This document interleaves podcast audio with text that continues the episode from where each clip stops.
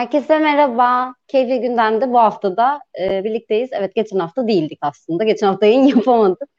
E, Mustafa Kuleli ile birlikte bugün Türkiye'de gazetecilik ihtimalini konuşacağız. Hala öyle bir e, ihtimal var mı? Öncelikle Mustafa ile bunu biraz masaya yatıracağız. Hoş geldin Mustafa. Merhaba, iyi yayınlar diliyorum. E, ben böyle hızlıca gireyim. Çok dertli olduğumuz bir konu muhtemelen bu. Mustafa yani ben mesleği yapıyorum belki ama Mustafa benim gibi bir sürü insanla muhatap oluyor. Çünkü TGS'de kendisi meslek mesleğe dair e, meslekteki ya benim meslektaşlarıma dair pek çok sorunun tam olarak içinde muhatabı.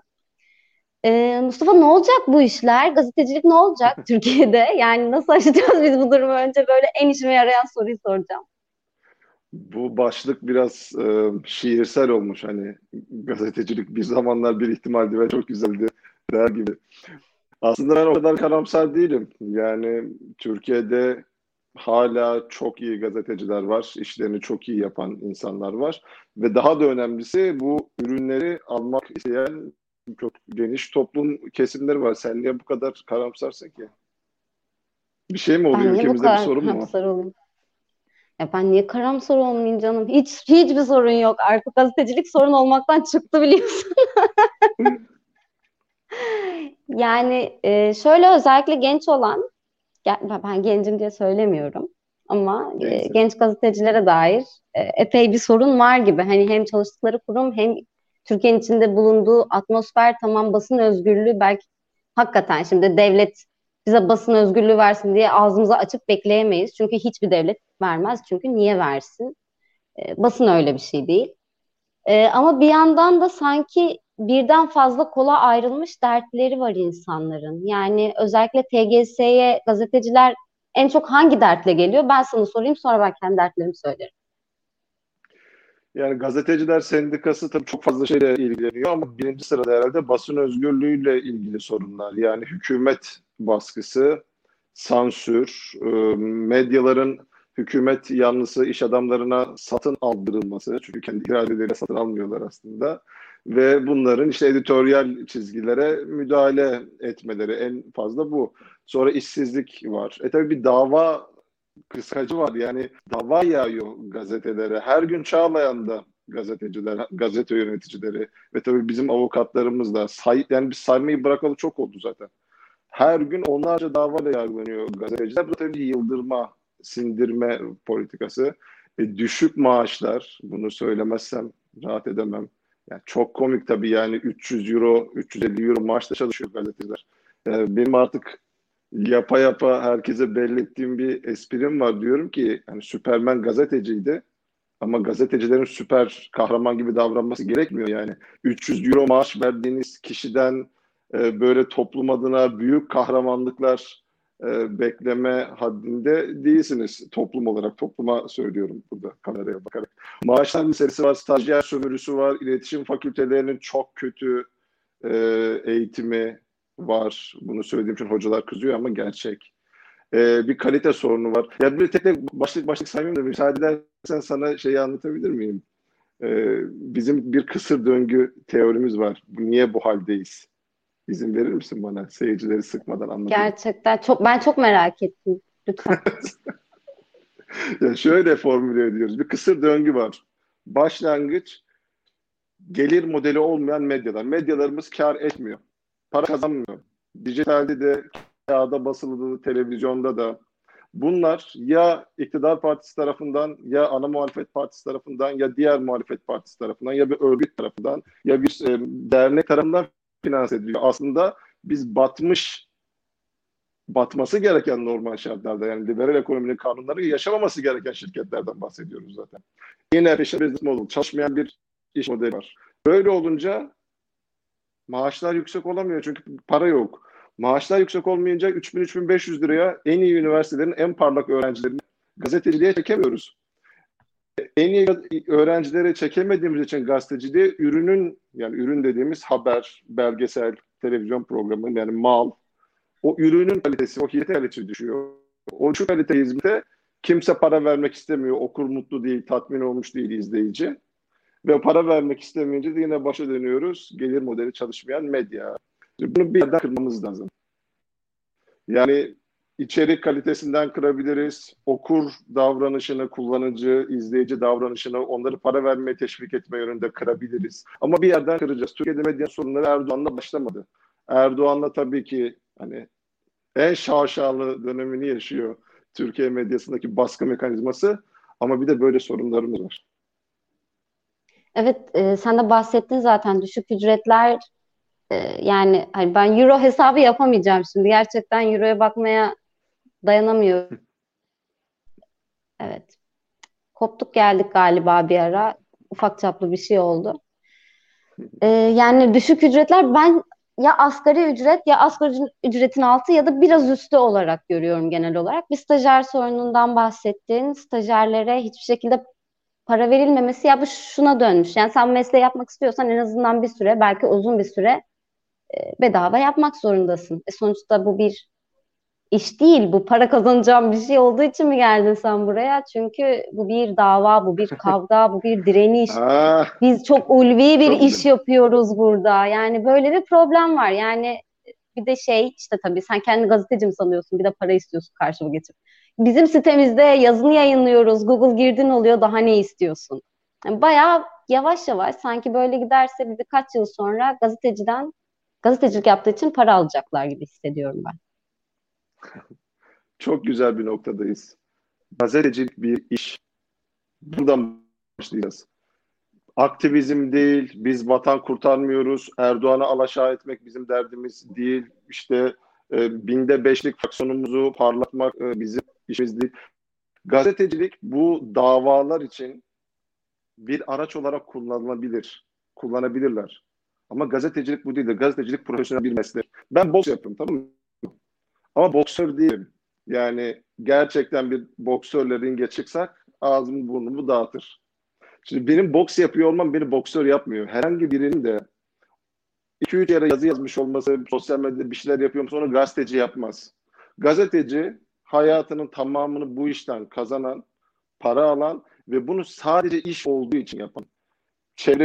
Çevrecilik davasını, sosyalizm davasını, feminizm davasını yüceltmek için ya da İslamcılık davasını yükseltmek için o motivasyonla bu, bunun yapılması e, biraz okuru kandırmaya giriyor ki bu da gazeteciliğin temeliyle çelişiyor ve gazetecilik evet. duygusal duygusal romantik bir iş değil. Biz bayağı e, mantıksal mantık çerçevesinde bir iş yapıyoruz. Duygularımıza yapmıyoruz. Dolayısıyla böyle mesleği romantize etmek, işte küçük edebiyatçılar gibi davranmak, işte ne bileyim kendini vatan kurtarıcısı vehmetmek bunlar gazeteciliği sakatlayan, gazetecilik ideolojisinden bizi uzaklaştıran ve mesleği yavaş yavaş e, bitiren şeyler maalesef. Peki bir şey soracağım çok net bir soru bence. Gazetecilik zengin mesleği mi o zaman? Yani oraya bahsettiğim boksör sonuç değilim. oraya geliyoruz. Evet evet yani, yani boksör değilim hobi olarak bu, yapıyorum. Bu koşullarda iki tane yol ortaya çıktı. İkisi de birbirinden kötü. Şimdi YouTube'da olduğumuz için aslında her şey serbest ama yine de konumum geri e, argo kullanmayacağım. İki yol var. İkisinin de yolu çok kötü bir yere çıkıyor. Biri şu. Bu bir tuzu kuru mesleği haline geliyor. Çünkü zaten evet 3500 lira, 3000 lira, 2500 lira maaşın olduğu yerde sadece anne baba parası yiyen insanlar bu işi duygularını tatmin etmek için yaparlar. Bu bir e, yani çok açık söylüyorum örnek yani Boğaziçi Üniversitesi'nde iyi bir derece mezun birisi 15 bin lira maaş beyaz yakalı olmak varken niye 2500 liraya hem sürünecek hem o kadar dava açılacak belki hapse atılacak Twitter'da her gün küfür yiyecek o hapse atıldığı zaman da işte millet e, diyecek Büşra yalnız değildir ve sen bir hashtag olacaksın. Belki hepimiz bir gün bir hashtag olacağız. Bu mu yani? Böyle bir şey olabilir mi? Böyle bir meslek grubu olabilir mi? Şimdi birinci yol bu. Romantizm ve aktivizm için gazetecilik yapma. Diğer yolda tuzu olduğu için hobi olarak gazetecilik yapma. Bunların ikisi de gazeteciliğin e, dibini dinamitleyen iki büyük sorun. Bunlarla her ne pahasına olursa olsun mücadele edeceğiz. Bu söylediğimizi ben yeni söylemiyorum. 2-3 yılda tekrar ediyoruz. Her yerde de tepki görüyoruz. Hangi üniversiteye gitsem tepki görüyorum. İşte bazı e, çok solcu, devrimci arkadaşlar tarafından eleştiriliyoruz. E, ama gerçek bu. Dünya standartında gazeteci böyle bir şey. gidin New York Times'a, Target Zeitung'a böyle yani bu iş. Ya evet ortaya bir ürün çıkarıyorsun ve o, o ürün yavaş yavaş değerini kaybediyor. Bir de bunun hani okur veya işte ne bileyim bu bahsettiğimiz hobi olarak da bu işi yapan insanların dışında patron boyutu var. E şimdi patron olduğun zaman çok da para beklentisi olmayan e, insanları işe almak biraz daha aslında avantajlı sanki. Sonuçta hayatını bu işten kazanmak isteyen bir insanı tatmin eden bir şey vermek zorundasın. Ama öbür tarafta ne versen alıyor o zaten çünkü ihtiyacı yok. Ee, öte yandan Ya işte yine paraya ihtiyacı olmayan her zaman biri az vermek ister.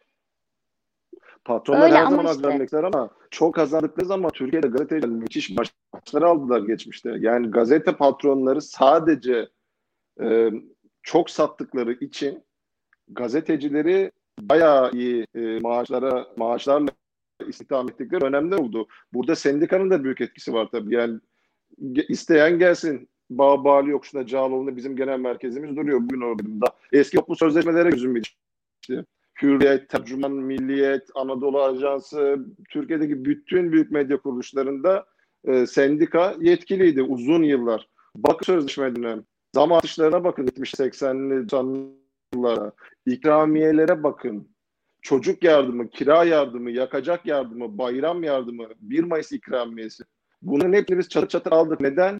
Ortada bir pasta vardı. Ortada bir pasta varsa sadece biz çalışan taraf olarak gidip şunu diyebiliriz. Biz bu pastadan daha büyük payız, daha büyük istiyoruz. Çünkü pastayı biz yapıyoruz. Şimdi Hürriyet Gazetesi'nin derdi sizce eskiden olduğu gibi 800 bin satmak mı pazar günleri? Yerlerde sürünüyor gazete. Çünkü okurda para kazanmak gibi bir derdi yok. Ticaret yapmıyor Meltem Demir hanımefendi. O kayyum olarak bulunuyor. Böyle bir insan zaten gazetecilik gibi bir derdi yok ki en iyi gazetecileri istihdam etsin. O tabii ki en düşük maaşla copy paste yapacak insanları tercih ediyor. Ama kendi gazetecilik, Türkiye'deki gazetecilik tarihine de haksızlık etmeyelim. Biz çok iyi gazeteciler çıkardık. Çok iyi medya kuruluşları, kar medya kuruluşları kurdu ve gazetecilerin çok iyi paralar aldığı sendikayla beraber dönemler oldu. Bunları yeniden e, kurabiliriz bence.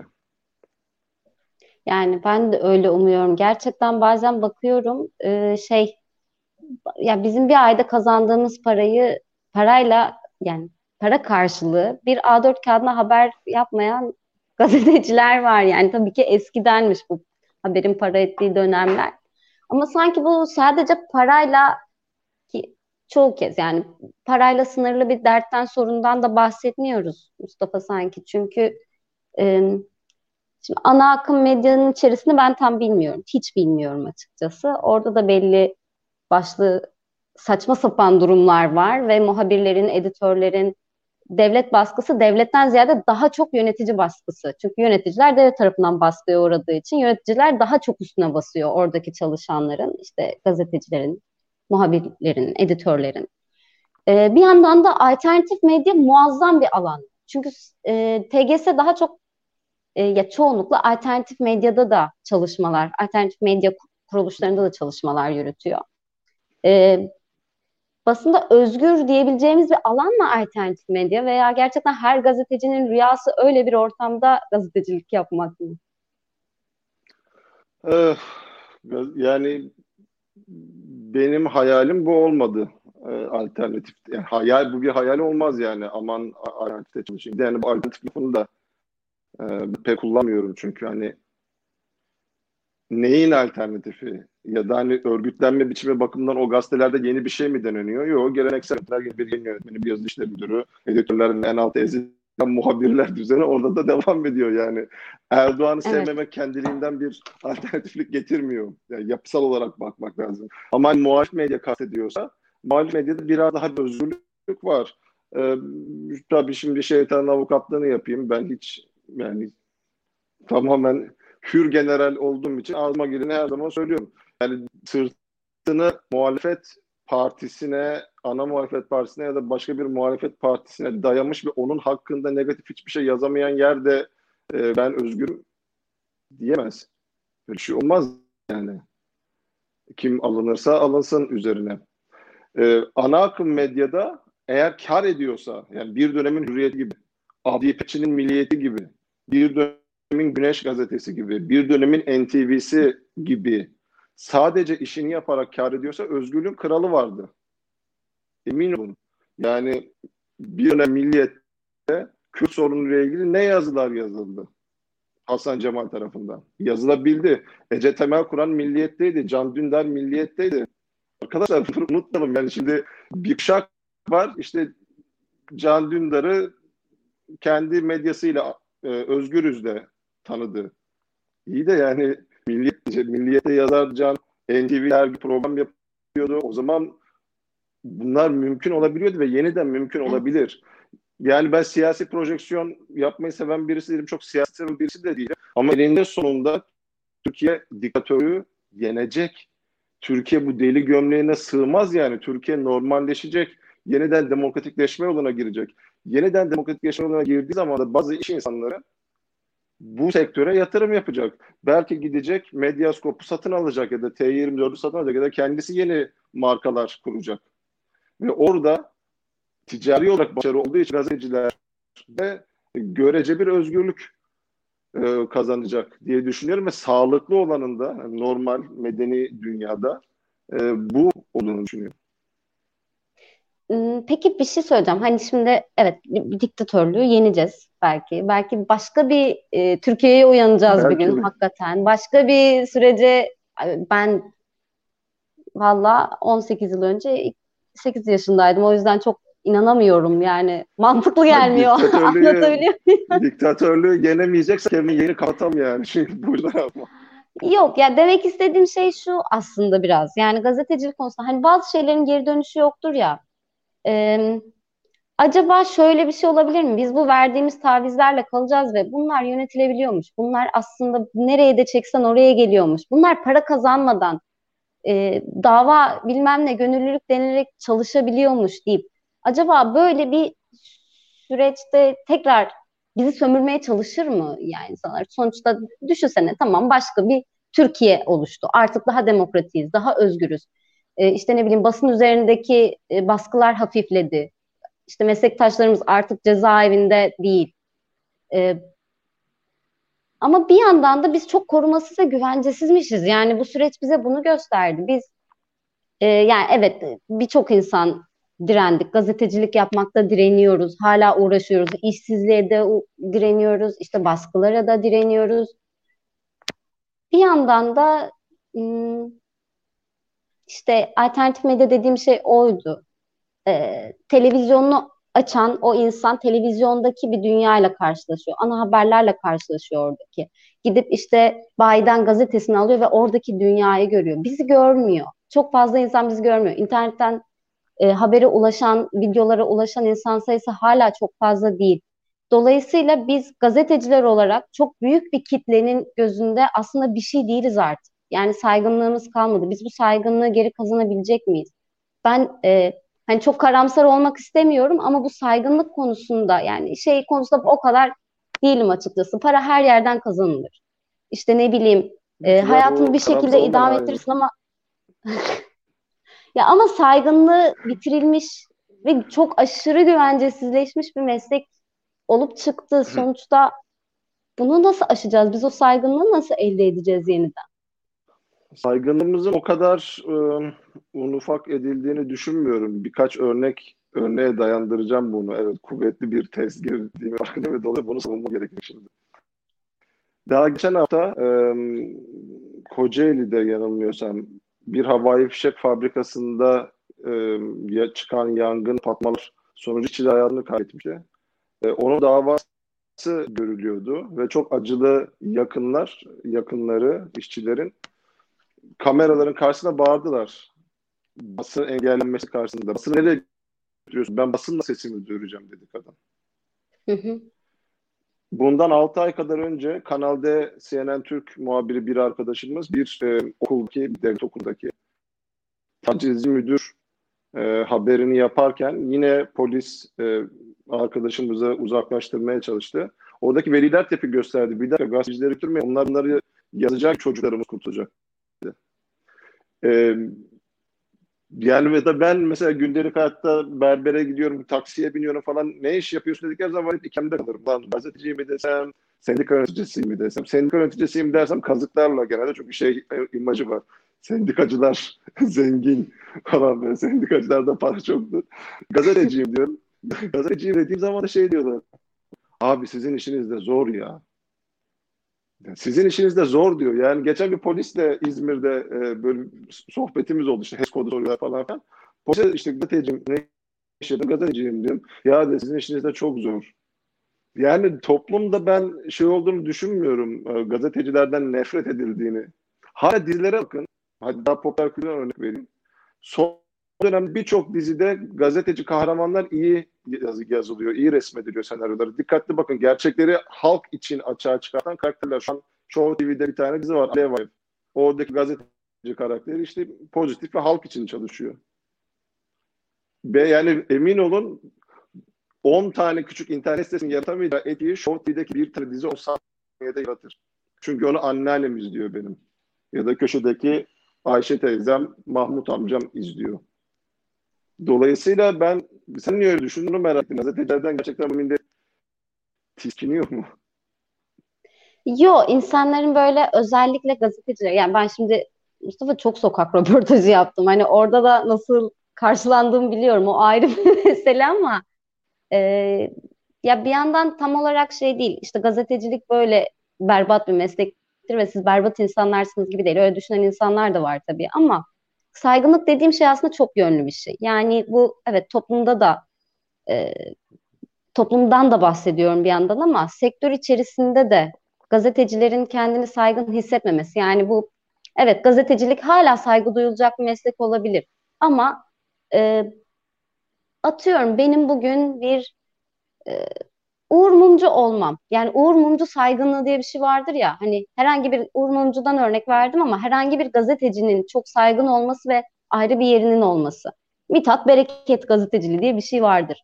Yani işte basın özgürlüğü elimizden pek çok şey alıyor ama en fazla da bizim bu saygınlığımızı alıyor. Basının baskı altına alınması. Yani e, atıyorum ben gidip bugün işte Orta Doğu'da, şurada, burada Mithat Bereket gibi haberler yapamam. İşte Uğur Mumcu gibi yolsuzluk, kaçakçılık haberleri yapamam. Dolayısıyla onların toplumda bir karşılığı vardır, bir saygınlığı vardır. Ben bunu elde edemem. Bir bunun, bunun dediğim gibi toplum karşılığı var. Öte yandan işte bahsettiğim özellikle alternatif medya. Bu alternatif medya dememin sebebi aslında televizyon. Yani bildiğimiz geleneksel kitle iletişim araçları yerine interneti kendi mesken tutmuş medyadan bahsediyorum. Çoğunluğu da e, medya patronundan ziyade gazeteci olan insanlar yön, tarafından yönetiliyor ve işte çoğunlukla çok çok iyi gazeteciler. Artık ana akımda kendine yer bulamayan veya orada olmayı reddeden gazeteciler tarafından yönetiliyor. E, oradaki gazeteciler de e, kendi değerli ya da saygın hissetmiyorlar. Demek istediğim şey şu, kendi haber dillerini oluşturmaları, kendi alanlarını seçmeleri, kendilerini bir şekilde ortaya koymaları bir noktada engelleniyor nasıl oluyorsa ve sürekli bir rutin haber yapın. Sen çok karışma. Sen daha çok küçüksün. Sen daha çok gençsin. Yani e, şimdi az önce argo diye sen söylemedin diye söylemiyorum. Sana o şeyi söyleseydim ben de söyleyecektim ama yani böyle bir Dilimizi sanki alan alanlardan çekiliyoruz. Güven vermiyoruz. Bunu artık herhalde kimse e, reddedemez. Atıyorum Hala, ben ha, ben, çok... ben, ben reddederim. Ne? Ben reddederim. Ya şöyle bir örnek vereyim sana. Bütün ülke en azından ülkenin yarısı her gün saat 7'yi bekliyor Fox Haber izlemek için ya. Ya reytinglerine, şeylerine falan bir bakın yani. Herkes Fox Haber izlemek için bekliyor. İnsanların habere ihtiyacı hala var. Güvendiği haberciler hala var. Ben isim isim örnek de şimdi isimlerde hep şöyle bir derdim oluyor. Birini söylesem sanki diğerine haksızlık olacak gibi. Hemen hepsi de üyemiz olduğu için. Yani ilk aklıma gelenleri söylüyorum. Şimdi Cumhuriyet'ten Alican Uludağ'ın aydınlığı Sözden Didem Hanım'ın, işte Kadri Gürsel'in, İsmail Saymaz'ın, Nevşin Mengü'nün herkes beğendiklerini saysın işte yani. Büşra Cebeci'nin, Ruşen Çakır'ın saygınlığı yok mu? Bence var. Dağlar gibi var. Yani hatta çoğu zaman ben şöyle yaşıyorum. İşte giriyorum bir ortama e, ne iş yapıyorsun şu bu sorular işte gazeteciler sendikası derse ben sefer şey oluyor. Ya şu tanıyor musun? Ben onu çok seviyorum. Ya şunu tanıyor musun? Ya işte ona bayılıyorum, onu izliyorum devamlı, onu okuyorum falan. Yani bilmiyorum ben. Hayır dünyada sen nerede yaşıyorsun? bu kadar kötücül insanlar seni buldu ya. Bu arada teşekkür ederim listeye beni de eklediğin için. Boşuna yayın almadım. Tabii ki ekleyeceksin çünkü. yani ya çok kötücül düşünmek de istemiyorum bu arada ama ya e, benim aslında daha genç gazetecilerde, arkadaşlarımda gördüğüm bu şey vardır ya sen daha iyi biliyorsun. Bu sektörde birkaç insan, bayağı bir insan ara ara biz toplaşırız. Birbirimizi tanırız dertleştiğimiz konular hep bu ya. Yani hep birbirimize e, dert yandığımız konular bunlar. Yani bir o var, bir geçinemiyorum derdi var. E, işte mobbingi, tacizi bunları artık zaten herkes biliyor. Ama e, bu saygınlık veya değerli hissedememe durumunu ben çok fazla e, gazetecide gördüm. Çok fazla genç gazetecide de gördüm. Ama şu daha kötü mesela işte yıllarını televizyonda geçirmiş, yıllarını işte çok okunan gazetelerde geçirmiş insanların da bu sefer hakikaten 2000 izlenen yayınlara kadar şey yapması o da çok kötü bir şey. Yani mesela hani biz zaten görmedik öyle bir ilgi, öyle Hayır, bir okul, ama... öyle bir izleyici ama belki o, o da mesela ve biçimlerle ilgili sorun vardır. Yani e, tüketici alışkanlıkları değişiyor. Şimdi ya ben YouTube'da Nevşin'le bir video yaptık beraber. 200 bin hı hı. izlendi herhalde. Ama çok evet. gırgır şamata de o format. Ama gırgır şamat olduğu yerde aynı zamanda diktatörlüğün bütün baskı araçlarında faş edebiliyorsun. Gülerken, eğlenirken bir yandan da nasıl otoriter bir tek adam rejimi içinde olduğumuzu dalga da geçerek söyleyebiliyoruz. Yani tabii ki 40 dakika e, sabit bir planla hor hor hor hor hor hor hor hor hor hor yüksek siyaset konuşan birini izlemez kimse yani.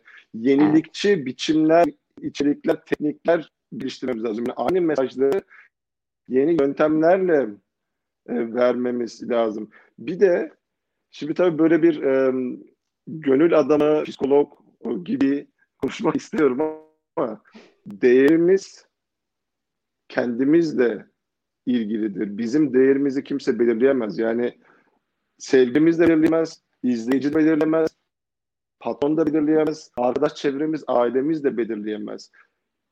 Değerimiz kendi uktemizdedir. Kendimiz değerli hissederiz de değerli hissetmeyiz. Eğer değerli hissetmiyorsak e, ben çok tavsiye ediyorum. Hatta sendikada da gazetecilere biz psikolog desteği veriyoruz ücretsiz olarak. E, profesyonel yardım alınabilir de alıyorum. Birçok arkadaşım da alıyor. Bu değerlilik meselesini ama dışsal nedenlere bağlamamak lazım işte. Bu çok farklı faktörlerden kaynaklanıyor olabilir ama tek cümle söyleyecek o da şu. Değerimizi başkası demez. Biz zaten sadece biz olduğumuz için, Mustafa olduğum için, Büşra olduğu için, Ayşe olduğu için, Fatma olduğu için, Hasan Hüseyin olduğu için zaten değerli.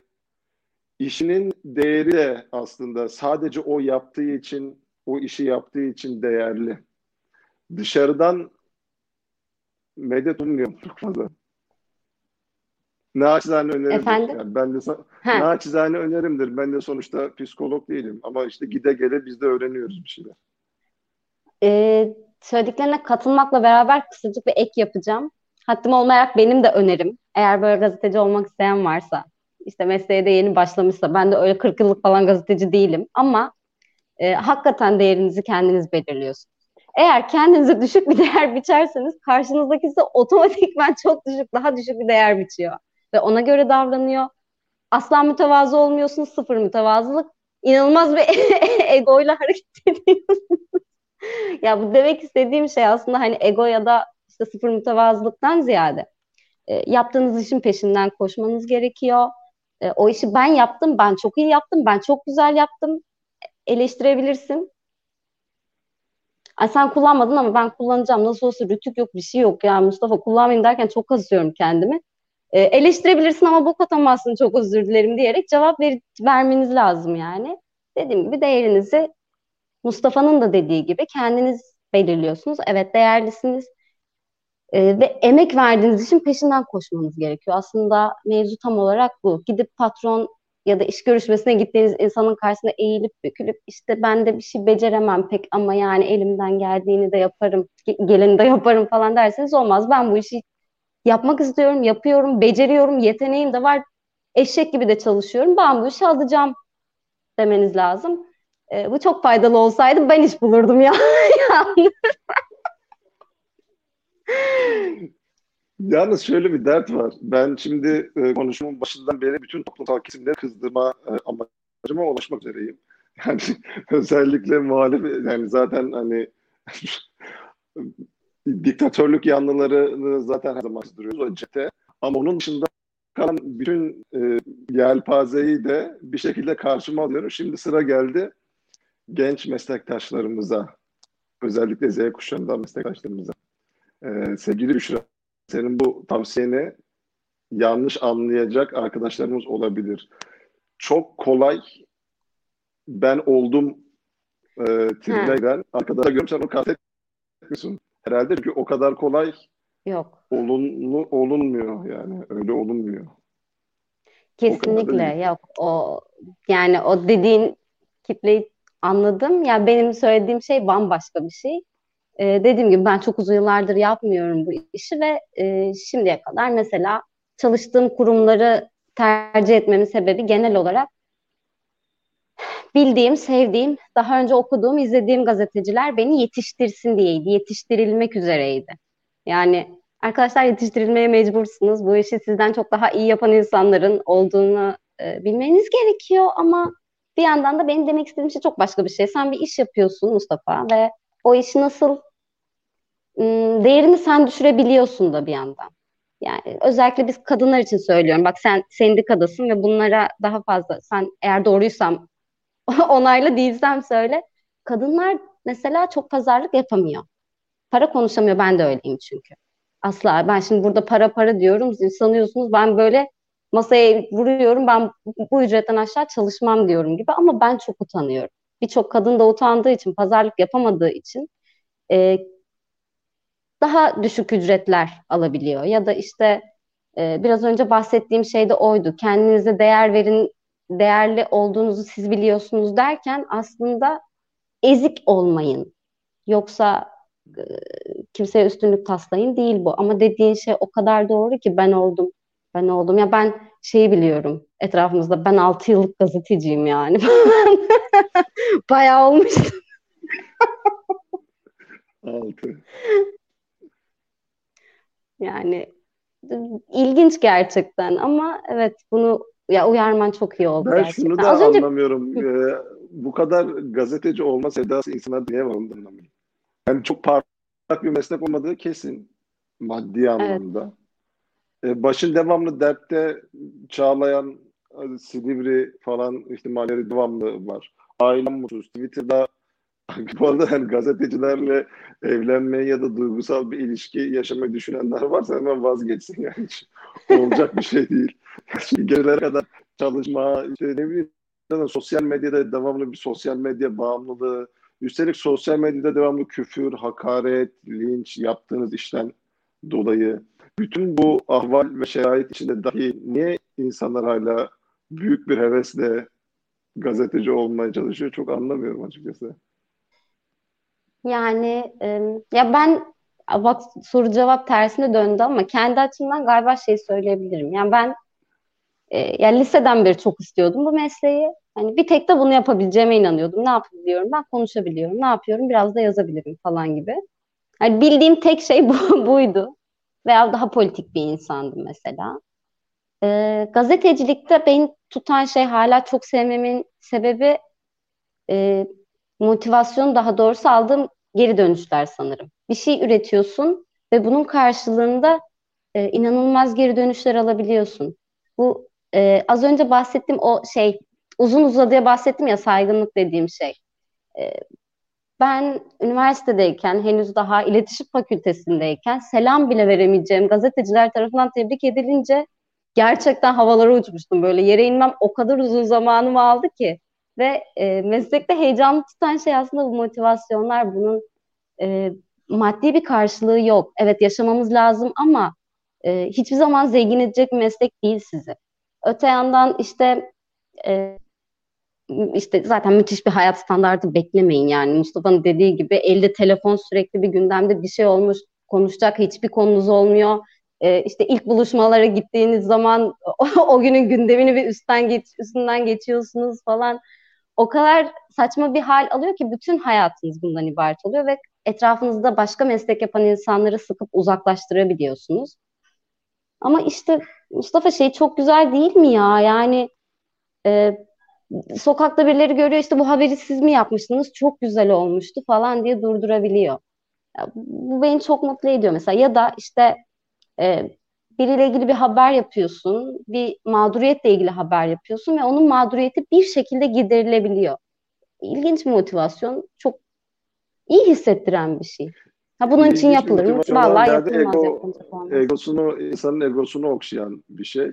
Ee, ben de buna katılıyorum. Benim de gördüğüm e, medya sektörüne girmedeki temel motivasyonlardan bir tanesi artık bu haline geldi.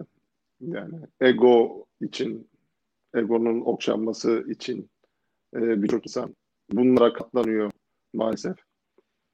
Tespit olarak söylüyorum yani çok büyük bir eleştiri değil ama bir de sosyal medya çağının getirdiği bir şey var tabii. Artık her gazeteci biraz da marka olmak durumunda.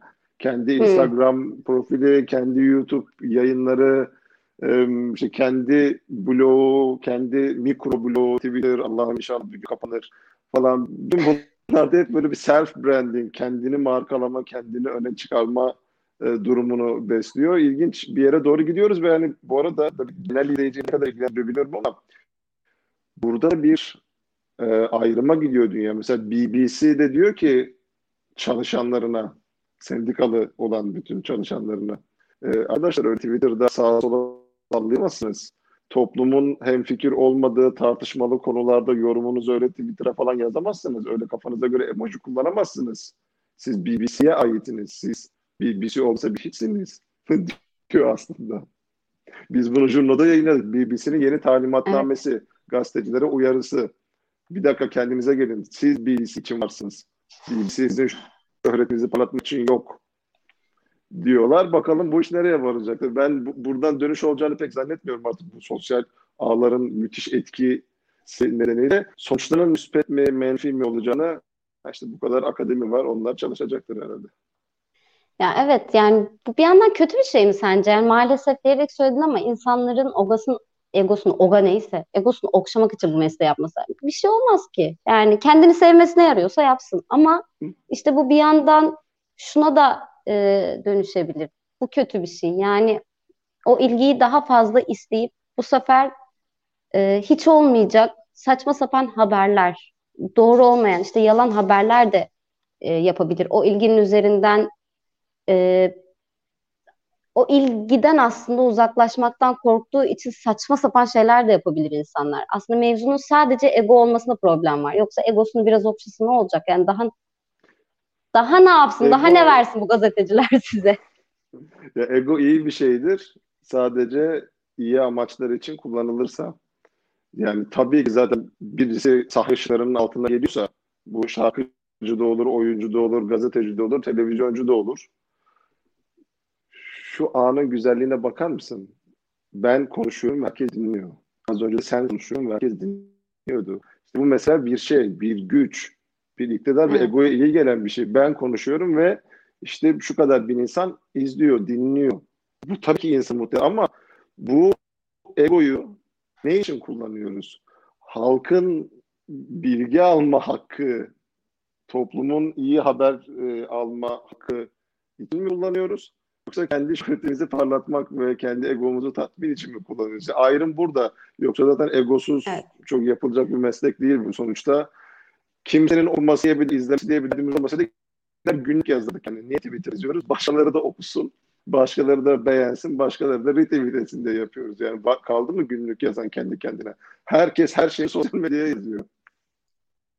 Doğru. Doğru. Bu, bu arada BBC ile ilgili mevzuda da sanırım bunu sadece BBC yapmıyor. Yani BBC'nin bir sosyal medya kullan, kullanım kılavuzu olduğunu biliyorum. Ya da işte oradaki gazetecilerin e, belli başları farklı. İşte Mark Lowen mesela Türkiye'de çalışırken de hiç sözünü esirgemiyordu ve hani muhtemelen bundan uyarı alıyordu. Ama yap, yazıyordu, ediyordu yani. Ama e, sanki her kurumda var bu. Mesela iş başvurusu yapacağınız zaman önce bir Twitter'a bir bakıyorsunuz. Ya ben yazdım mı acaba acayip bir şey gibi. Ya da İnsan e, kaynakları bu... bakıyor. Ama. Ne? İnsan kaynakları da o tweetlere bakıyor. Evet, onu bildiğiniz için aynen. Yani e, bu arada şu da var. Bu mesela çok büyük kurumlar için de BBC gibi kurumlardan ziyade küçük kurumlar için de geçerli Mustafa. Yani özellikle Twitter'da ne yazdığının farkında olacaksın. Öyle her şeyi yazmayacaksın. Her şeyi kendini paylaşıyorsun. Sen kendini teşhir etmeyecek. Kocamı arıyorsun sen yoksa falan gibi. Böyle şeyler ben çok duyuyorum. Yani e, halbuki Y kuşağı bizim nesil. Hatta Z kuşağı çok daha fazla. Ama ya, sosyal medyayı kullanmayı biliyoruz biz. Yani ben şuursuz kullandığımı düşünmüyorum mesela. Veya işte evet goy goy yapmak da istiyorum çünkü ben robot değilim. E, takip eden insanlar benim robot olmadığımı bildikleri için takip ediyorlar galiba. Yani öyle düşünüyorum en azından. Veya benim üslubum zaten çok ciddi bir üslup değil. Mesela şurada bir program yapıyoruz ve çok ciddi göründüğümü düşünmüyorum. Ve senden sürekli hala şey istiyorlar. Bunu yaşlı gazeteciler çok yapıyor. Bunun büyük küçük kurumu yok. Ee, işte damat gibi giyinmeni. Damat diyorum çünkü ben o şeyi hiçbir şekilde gelmedim. Yani gömlek giyeceğim, ceket giyeceğim ve böyle sıfır mimik oturacağım. Asla bir şeye gülmeyeceğim. Dilim sürçemez. Hala o robotluğu arıyorlar bizde. Ve Twitter'da, Instagram'da işte başka sosyal mecralarda kendi hayatımızda böyle olmadığımız için de rahatsızlar biraz. Sadece BBC yapmıyor yani. Kendin olmak, samimi olmak, e, doğrudan olmak şu an geçer. Tabii bunların acısı farklı mesela işte yine anneanne endeksime dönecek olursak anneannem şey diyebilir 1929 doğumlu bir insan olarak ya bu ne ya cıvık cıvık konuşuyorlar diyebilir. O mesela Türkiye hayatımda hep şunu görmüş yani. TRT'de işte böyle şey döpiyesli e, kadın spiker saçlar işte kabartılmış permalarla falan işte böyle orada mahkeme gibi bir suratla böyle ciddi ciddi haberle şimdi ona alışmış birisi için bu ne ya çocuklar burada cıvık evet. cıvık konuşuyorlar cıvık affedersin diyebilir ama e, senin söylediğin o Z İK'cı tabiriyle. Ya ben biraz YouTube mesaisi yaptım ya ve daha da yapacağım. Evet. YouTube'u önce uzunca bir anlamaya çalıştım ve bir başlangıç yaptığımı düşünüyorum. Bir ucundan yakaladım treni. Yani en azından başka meslektaşlar gibi televizyon yayınının aynısını YouTube'da yapmaya çalışmıyorum. Ee, çağ, çağ, çağ, herkes al. YouTube'da keşfettiğim şey şu oldu. Ya bütün mesele sadece kendin olmak ya. Yani Berkcan Güven için de bu, Rain için de bu, işte Nevşin için de bu. Kendi olmak ya. Just be yourself. Bu kadar. Süs yok, hava yok, karın ağrısı yok, eyvah ne diyecektim yok, hazırlanmak yok. Şu anın içine bak kendini kendini ifade etmek. Bu kadar. Hatası mesela bile altta insanlar korkunç yorumlar yapabilir. Bu ne ya bu kız da bu alanda mal falan filan. Desin who cares yani. Sen de okey boomer yazarsın geçersin bu, bu kadar yani. Ya, evet. Bu bu artık. algoritmayı artık e, çözmüş olduk ve arkadaşlar bu İK'ye mensupsanız bundan sonra bam bam bam bam bam bu e, eski kafayı yıkana kadar devam. Gerçekten ya ben de o kadar sıkılıyorum ki böyle e, işte sosyal medyayı şöyle kullanmanı bekliyorlar. Bugün bilmem kimle e, çok hoş bir söyleşi gerçekleştirdik falan. İnsanlar hayatlarında böyle konuşmuyor. Gerçekten böyle konuşmuyor. Yani neden Twitter'da ya da Instagram'da bile böyle konuşmak zorundayız? Bugün çok kıymetli bilmem kiminle söyleşi gerçekleştirdik. yani ne bileyim bir, bir yerine kalp koy, uçan kuş koy, bir şey koy yani. O şeyden ben rahatsız oluyorum. Böyle e, hemen itiliyorum. Yapmacık. Araya çok mesafe giriyor bu üslupla bence. Yapmacıklı korkunç zaten ve yani bu çağda hiç çalışmayacak bir şey. Bir de ben şuna takığım. Seni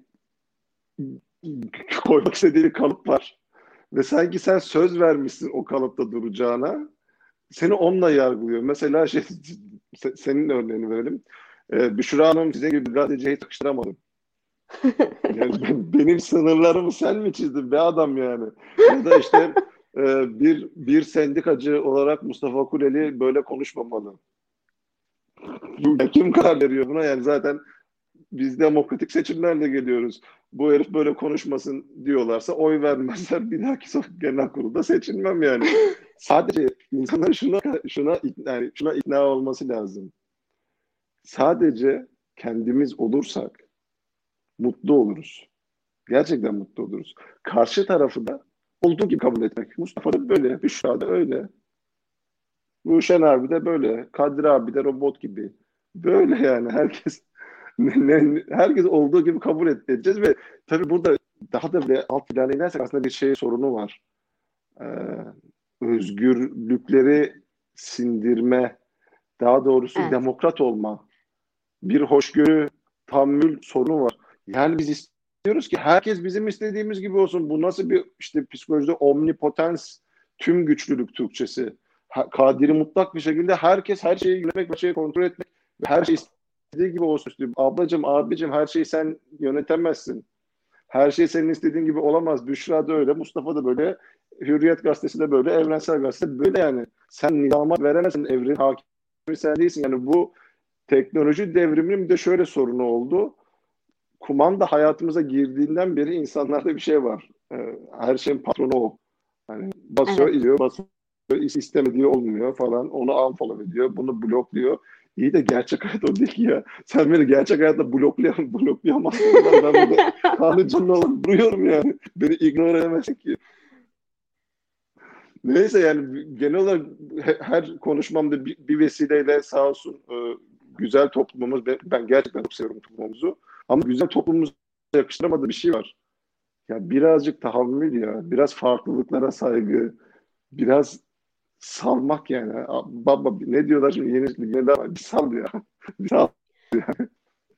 Yani dediği şey o kadar iyi anlıyorum ki işte basının özgür olmaması gerçekten sadece otoriteyle ilgili bir şey değil, devletle ilgili bir şey değil. Yani artık o kadar hızlı e, geri dönüş alıyoruz ki ben şeyi biliyorum biliyorsundur e, kısa bir sözcü maceram oldu ve e, ben daha sözlüde çalıştığımı duyurur duyurmaz ertesi gün HDP savunan sözcü muhabir deyip sözcüye etiketlemişler. sen niye benim patronuma şikayet ediyorsun ben suç mu işliyorum? Bir şey yazmışım oraya. Ne yazdım belli değil ki. Ben e, yani Twitter'da yapmadığım, en net yapmadığıma inandığım şey. Çünkü benim ağzım da bozuktur. Kimseye hakaret etmem ama ağzım bozuktur biraz. Particilik yapmam bir de. Onun dışındaki her şeyi yaparım. E, bildiğim patronuma şikayet ediyor. Bir de EGM'ye şikayet etme var. İşte bu EGM şeyini kim aldıysa yazık o kızcağıza sürekli ona bildirim gidiyor üstelik.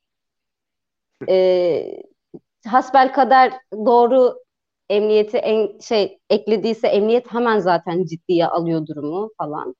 Ve tuhaf bir Bunlar noktaya geldik. Büşra Hanım'a yakıştıramıyoruz. Niye yak neyi yakıştır? Sen beni nereden tanıyorsun? Neyi yakıştıramıyorsun sen bana?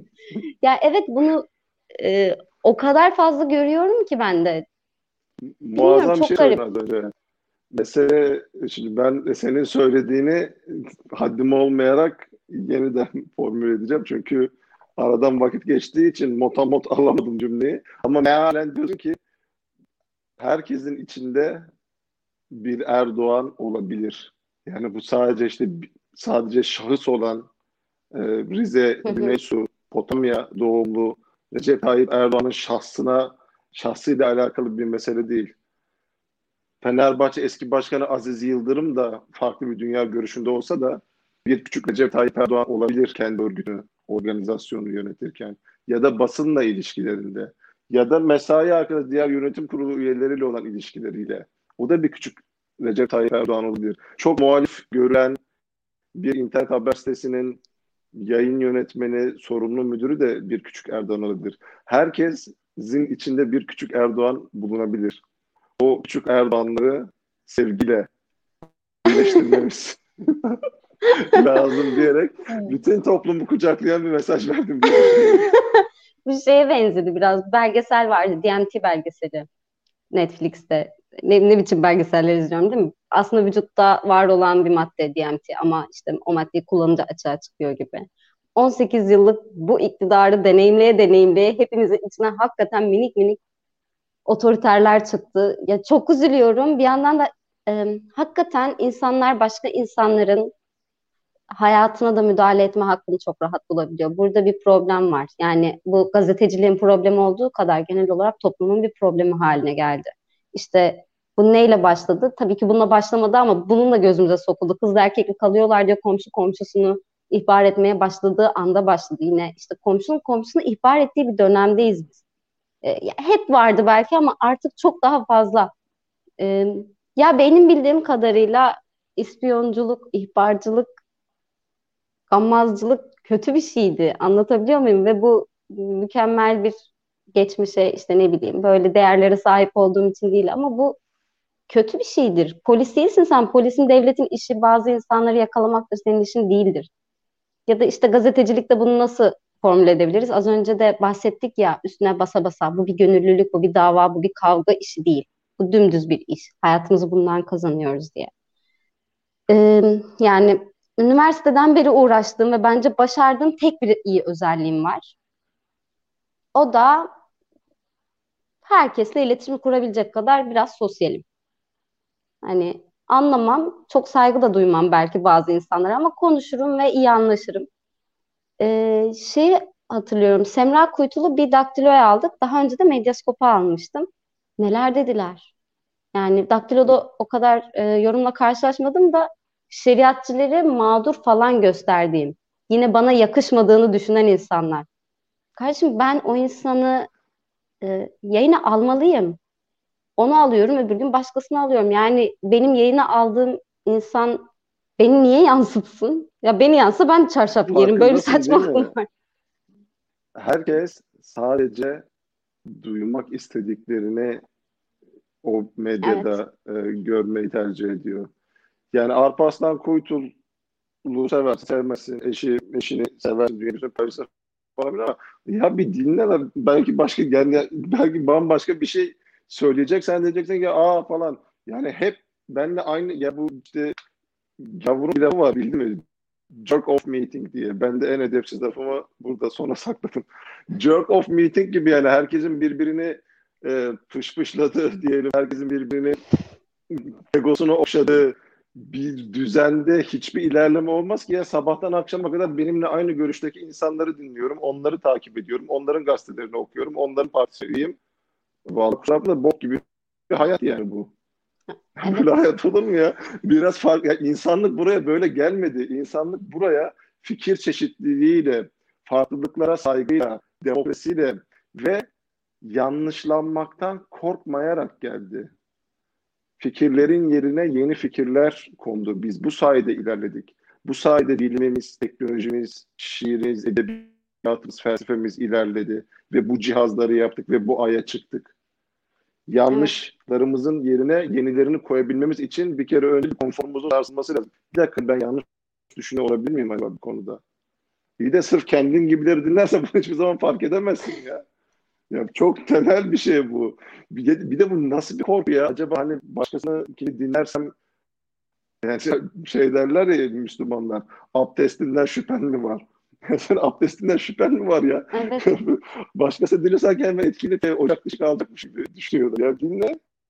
Onlardan da alacağım bir şey vardı. Ben de bir Müslümandan mesela bu lafı aldım. Abdestinden şüphen mi var lafını. Bak bugün kullandım ne güzel oldu. Evet.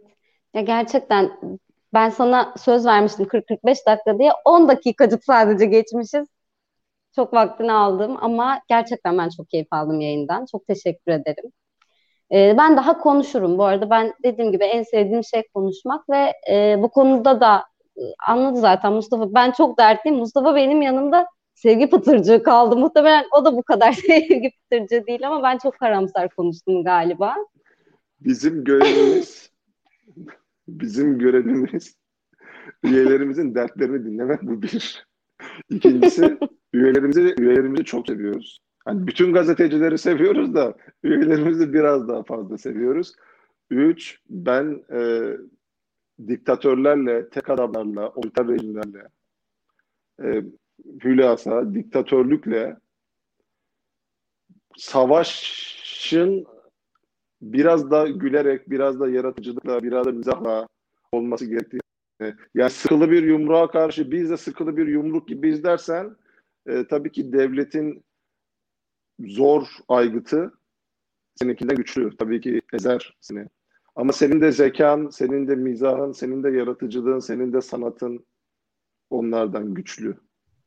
Bu kadar yıldır iktidardalar. İşte görüyoruz sanat karnelerini, edebiyat karnelerini, mizah karnelerini, düşün dünyası karnelerini.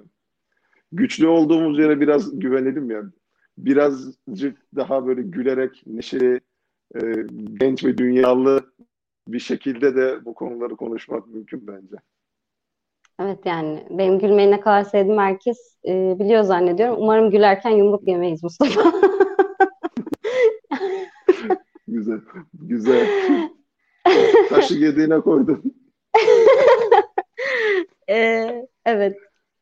Neyse yumruğumuzu sıkarak da gülebiliriz arkadaşlar. Ee, böylelikle yayını sonlandırmış olalım. Yani bizi izlediğiniz için çok teşekkür ediyorum ve bu arada dün Sevim Gözay'ı, gazeteci Sevim Gözay'ı kaybettik ve e, Sevim benim için gerçekten çok değerli bir insandı. Sürekli güldüğünü hatırlıyorum, sürekli çok neşeli bir insan olduğunu hatırlıyorum, cool bir insan olduğunu hatırlıyorum ve beni çok yüreklendirdiğini hatırlıyorum. Çünkü gazetecilikte çok çok yeni olduğum dönemler Medyaskop'ta yaptığı yayından ötürü e, işte onun programdan programa bir mesaimiz olmuştu ve e, gerçekten beni ne kadar yüreklendirdiğini hatırladıkça ben böyle dün o kadar şok oldum ve o kadar çok üzüldüm ki e, hep onu sevgiyle anacağız. Hep sevgiyle hatırlayacağız.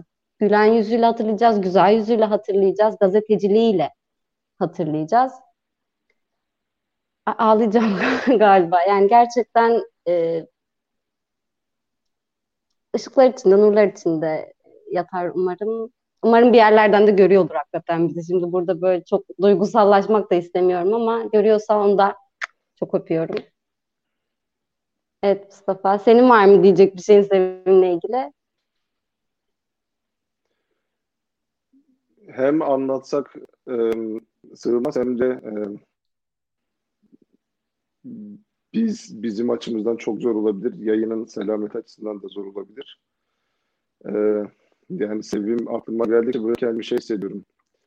Bir yamaçtan böyle kontrolsüz biçimde yuvarlanıyormuş, aşağıya düşecekmiş e, gibi hissediyorum. Yani biraz daha sağlıklı e, bu konuda düşünebildiğim zaman bu kadar duygusal olmadığımız bir günde onunla ilgili yazacağım. Ee, belki onunla ilgili yayınlar da yaparız. Yani sadece eğer tanımayanlar varsa izleyicilerimiz arasında internete girip bir Sevim Gölay e, yazsınlar isterim. Onun o bence ilham verici, ışık dolu e, yaşamının küçücük bir parçasını da olsa e, internette görebilirler. E, tavsiye ederim herkese. Çok teşekkür ederiz e, yayınımıza katıldığın için. E, bir sonraki keyfi gündemde görüşmek üzere. Hoşçakalın.